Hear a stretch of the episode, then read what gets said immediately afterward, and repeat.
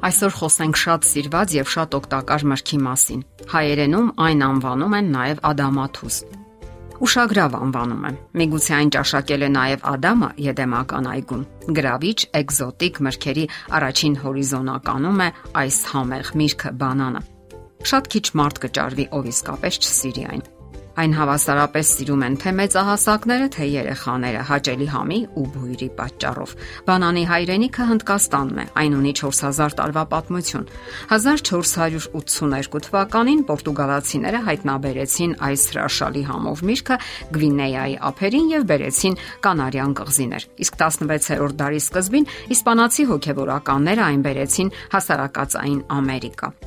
Բանանի առաջին հայտնի տեսակը plantain-ն է կամ սննդային բանանը։ Բանանը սովորաբար հավաքում են կանաչ վիճակում եւ այն հասունանում է մինչև վաճառքը։ Հաստ կեղևը պաշտպանում է մրգի նուրբ ու փափուկ պտղամիսը։ Հասարակածային երկրներում բանանի, լոբազգիների եւ բրանձի համակցումից պատրաստում են ճաշատեսակներ։ Լատինական Ամերիկայի երկրներում հասուն բանանները չորացնում են արևի տակ այն նույն եղանակով, ինչ թուզն ու չամիչը։ Հաճախ բանանը կտրում են շրջանակներով եւ թողնում արևի տակ, ինչեւ որ ծածկվի սպիտակ շաքարացված փոշու կեղևով, որը հայտնվում է բանանի մեջ արկա սեփական հյութի շնորհիվ։ Հասած բանանը ամուր է, մսոտ պտղամսով եւ ամուր կեղևով։ Լիովին հասած բանանը 76%-ով կազմված է ջրից, 20%-ով շաքարից եւ 12%-ով օսլայից։ Հնում այս պտուղը գնահատում էին ոչ միայն իր անչափ կարևոր սննդային հատկությունների շնորհիվ, այլև որպես բուժամիջոց։ Հին արևելքի բժիշկները գտնում էին, որ բանանն ուտելիս մարդու տրամադրությունը բարձրանում է, եւ այն հենց այդպես էլ համարում էին տրամադրություն բարձրացնող միրգ։ Նաև նշում էին, որ բանանը բարձրացնում է սեռական կարողությունը։ Այն օգտակար է նաև 4 հազի ժամանակ, սակայն իր ողջ օգտակարությամբ հանդերձ այս միրգն ունի նաև որոշ բացասական կողմեր։ Օրինակ, այն, որ դանդաղ է մարսվում, առաջացնում է գազեր, ոչ չափավոր օգտագործելու ժամանակ բարձրանում է մարդու արյան մածուցիկությունը, խցանվում է ավիշը, սակայն օգտակար հատկություններն անհամեմատ ավելի շատ են։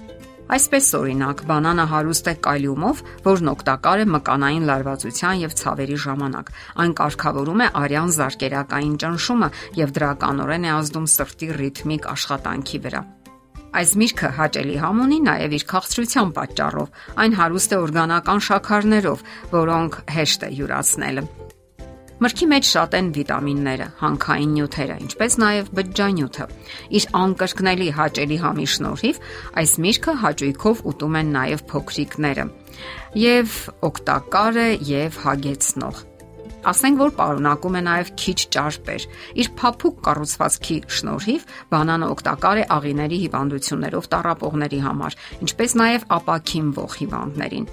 Շատ երկրների ազգաբնակչության համար բանանը սննդամթերք է եւ նույնիսկ փոխարինում է հացին, կարտոֆիլին, մսին եւ մեզ համար սովոր այլ մթերքներին։ Այս միրգը խորհուրդ է տրվում օգտագործել նաև այն ժամանակ, երբ հարկավոր է վերականգնել կորսված էներգիայի մակարդակը։ Նրա մեջ գտնվող 3 բնական շաքարները՝ սախարոզան, ֆրուկտոզան եւ գլյուկոզան, համակցվելով ֆիբրայի բջջանյութի հետ, արագ վերականգնում են օրգանիզմի էներգիան եւ լիցքավորում այն։ Հետազոտությունները ցույց են տվել, որ ընդամենը 2 բանանը ապահովում է 1.5 ժամվա երանդուն աշխատանքի համար անհրաժեշտ էներգիա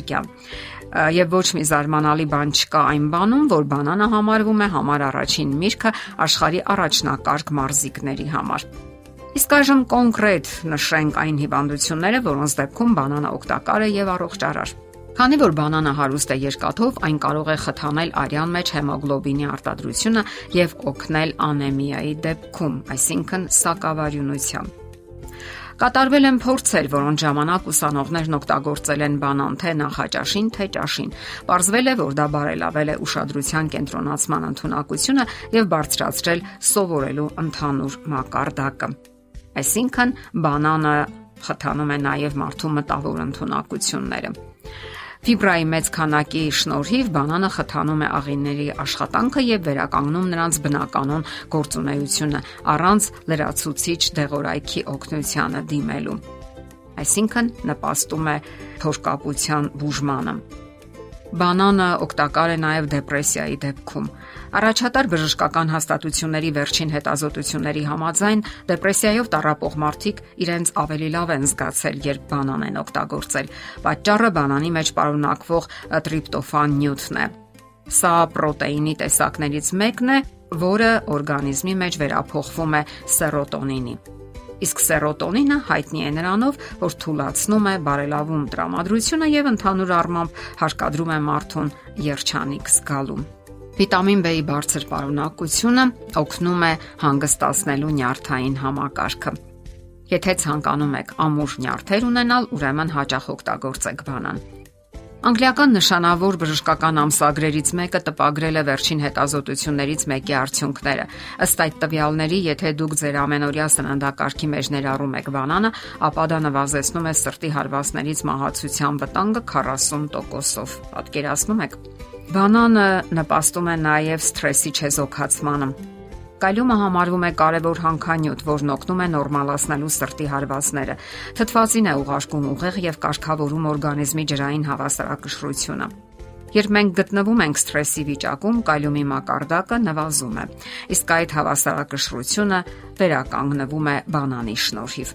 Ասենք նաև, որ բանանի մեջ 4 անգամ ավելի շատ պրոտեին կա, քան խնձորի մեջ, 2 անգամ ավելի շատ ածխաջրատներ, 3 անգամ ավելի շատ ֆոսֆոր, 5 անգամ ավելի շատ վիտամին A եւ երկաթ։